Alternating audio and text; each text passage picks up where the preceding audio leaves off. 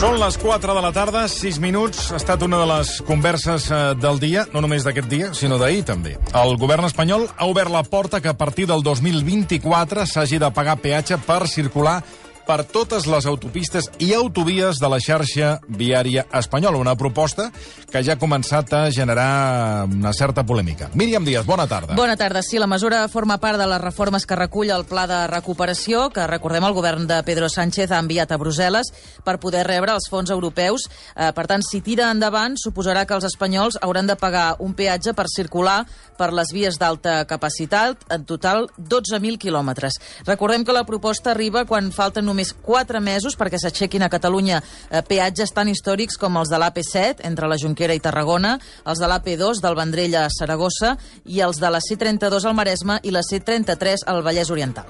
Saludem a aquesta hora el conseller de Territori i Sostenibilitat de la Generalitat de Catalunya, el senyor Damià Calvet. Senyor Calvet, bona tarda. Hola, molt bona tarda. Um, suposo que vostès ja eren, pregunto, ja eren coneixedors d'aquesta informació, de, que en aquest cas és una proposta que arriba a Brussel·les.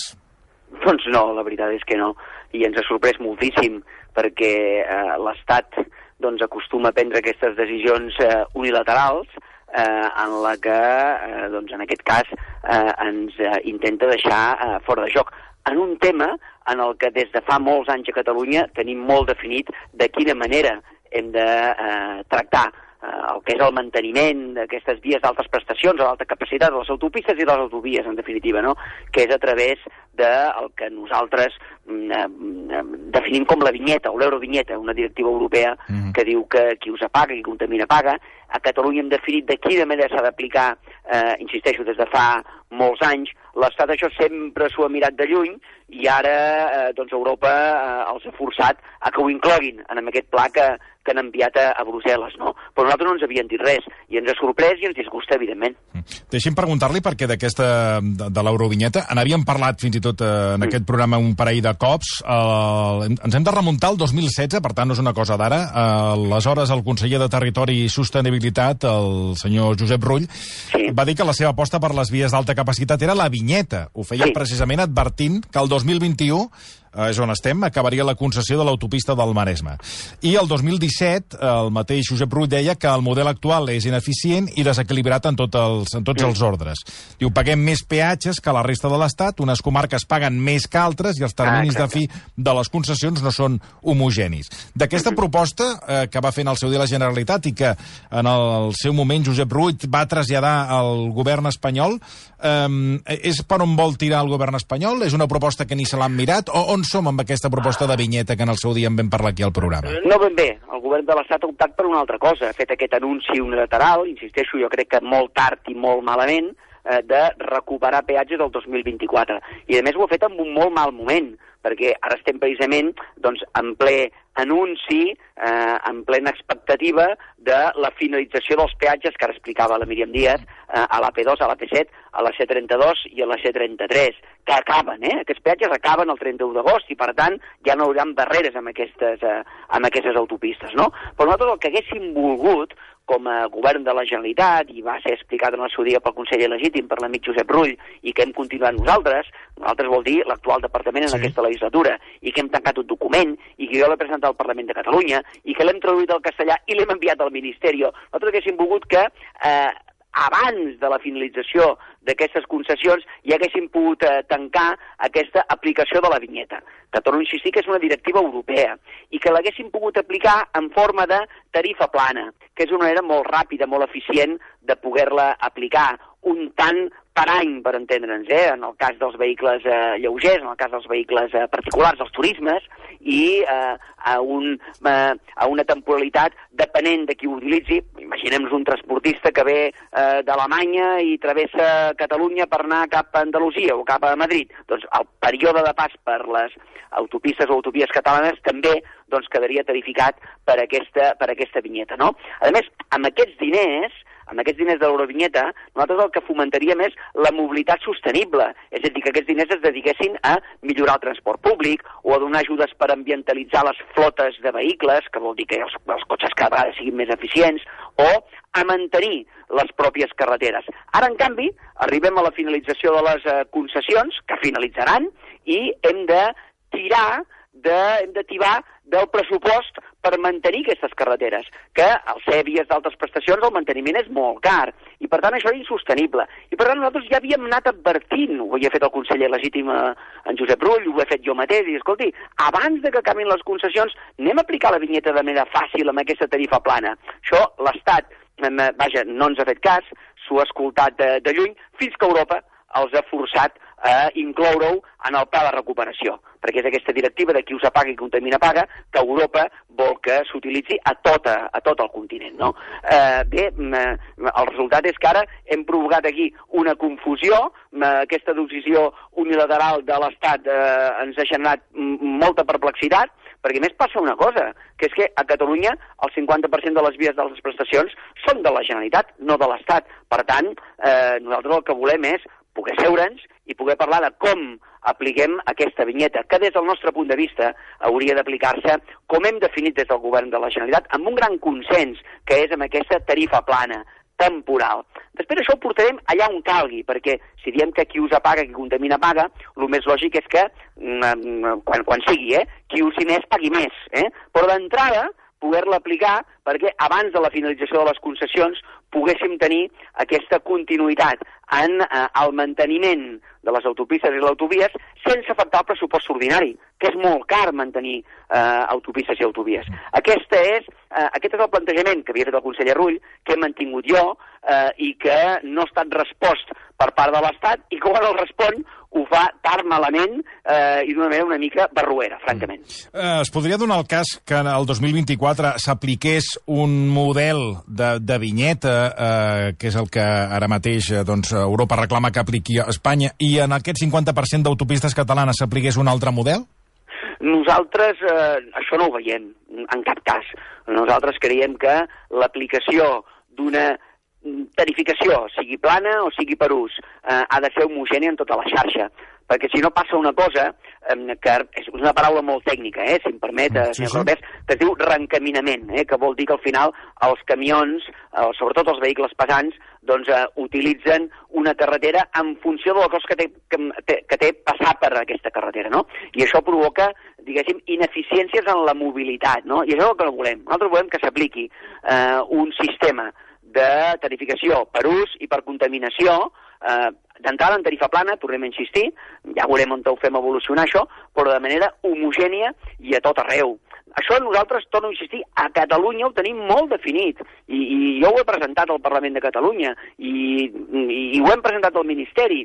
Passa que això, eh, jo entenc que el govern de l'Estat eh, doncs ha causat eh, sempre una certa por perquè eh, hi ha llocs de l'estat espanyol on de, això de pagar per utilitzar les carreteres no, no, no, no saben el que és, no? Eh, I, per tant, han tingut aquesta reticència a aplicar-ho fins que els ha exigit Europa.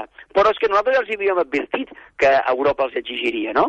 Nosaltres aquí, eh, eh, que tenim doncs, eh, una certa cultura del pagament per infraestructures, però que alhora aquesta certa cultura eh, doncs, ha provocat greuges interns d'unes comarques respecte a les altres o externs de Catalunya respecte a molts eh, llocs de, de l'Estat, doncs eh, crec que eh, som capaços de superar-ho amb aquesta idea de que eh, el pagament per eh, utilitzar les infraestructures, en definitiva, és eh, una tarificació ambiental que ens ha de generar alhora més capacitat de poder tenir, per exemple, més eh, i millor transport públic, no?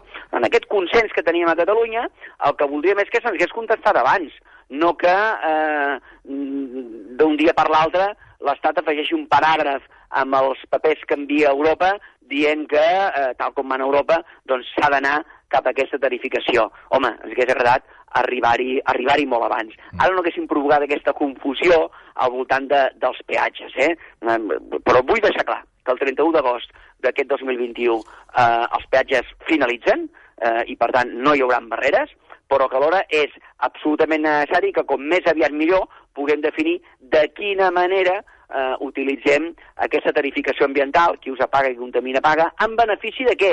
En benefici d'una mobilitat més sostenible, mm. en benefici d'un manteniment de les pròpies autopistes i autovies que no vagin en detriment del pressupost. Mm. Això és el que nosaltres estem en condicions d'abordar immediatament i el que l'Estat amb un discurs, insisteixo, una miqueta confús, situa 2024 i en forma de peatges. No hi estem d'acord. I per tant volem parlar-ne i volem arribar a una aplicació homogènia en tota la xarxa de carreteres d'una tarificació ambiental sostenible i que afavoreixi eh, doncs, també eh, aquesta transició cap a, eh, al transport públic. Com vostè diu, el do, eh, aquest 2021, el 31 d'agost, acaba aquesta, Sí. aquesta, aquest pagament del, dels peatges, per tant, a partir d'aquell moment no es pagarà, però, clar, aquí a Berti s'ha demanat una indemnització que el govern espanyol ja ha acceptat de pagar. De moment pagarà 1.300 milions, tot i que Berti se'n demana uns eh, 4.000, per indemnització de, de trencament del contracte. Un contracte que en el seu dia tot això va ser avalat pel govern de Zapatero.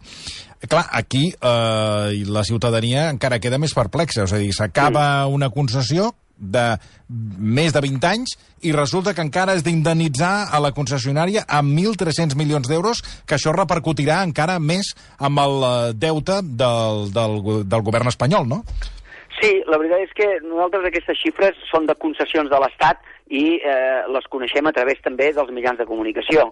Hi ha una primera indemnització per la, per la, per la simple, eh, diguéssim, finalització de la concessió, en base a una sèrie de clàusules eh, a les que suposo doncs, eh, una banda i una altra, els juristes d'una banda i una altra, doncs es poden arribar a, a, a posar d'acord, però eh, sembla que hi ha una xifra superior reclamada per Avertis en base a una reducció de la mobilitat, entre altres coses, per la Covid. Nosaltres amb això no hi estem d'acord, no hi estem d'acord. Eh? Nosaltres creiem que eh, no hi poden haver aquestes eh, indemnitzacions i que, en tot cas, si hi ha unes concessions, que en definitiva són contractes, eh? hi han raons objectives per les que aquesta finalització, si van haver inversions a l'avançada que no s'han amortitzat, s'han de, si s'han de produir aquestes indemnitzacions, i siguin, però no més de les que digui estrictament al contracte, no? I, per tant, estarem en contra, i així doncs, eh, ho he expressat en més d'una ocasió, i en tot cas farem servir tota la nostra capacitat política, eh, també al Congrés dels Diputats, perquè no hi hagin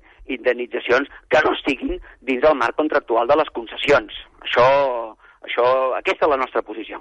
Dues últimes qüestions i acabo. La primera, el que ha dit Teresa Rivera, ministra de Transició Ecològica, quan se li ha preguntat sobre la vinyeta, sobre el pagament de les autovies i autopistes a Espanya a partir del 2024. sí hay un compromiso por parte del Gobierno de buscar al máximo el consenso, por tanto no es de aplicación inmediata, no llegue a materializarse hasta tanto eh, no, no tengamos asentada la recuperación. Eh, per tant, concreció de moment, a dia d'avui, poca. Aquesta és Bueno, la... concreció poca. És que nosaltres ens hem assabentat, ens n'hem assabentat pels mitjans de comunicació, que han inclòs aquest paràgraf en els papers que han enviat a Europa. Però és que, fixi's, senyor Corbès, nosaltres ja els havíem advertit, feia molt de temps, els hi, dia, els hi dèiem, escolta, que Europa va per la vinyeta i que vosaltres eh, això us ho esteu mirant de lluny i que la vinyeta, com a eh, tarificació ambiental finalista, eh, l'haurem d'assumir i hem de, que, eh, hem de fer que eh, eh, els diners que recaptem per vinyeta vagin a favor de mesures ambientals, transport públic i ambientalització de flotes. I això ho han anat negant i ho han anat posposant. Jo recordo que en un moment determinat, eh, l'any passat, que hi va haver, o, i, i, i l'anterior, que hi van haver les primeres finalitzacions de concessions, des del govern de l'Estat s'inventaven de, no, no, doncs ara finalitza aquesta concessió, però el manteniment el farem eh, a pressupost. I nosaltres ja els hi dèiem, això és insostenible, heu de dir com ho fareu, no?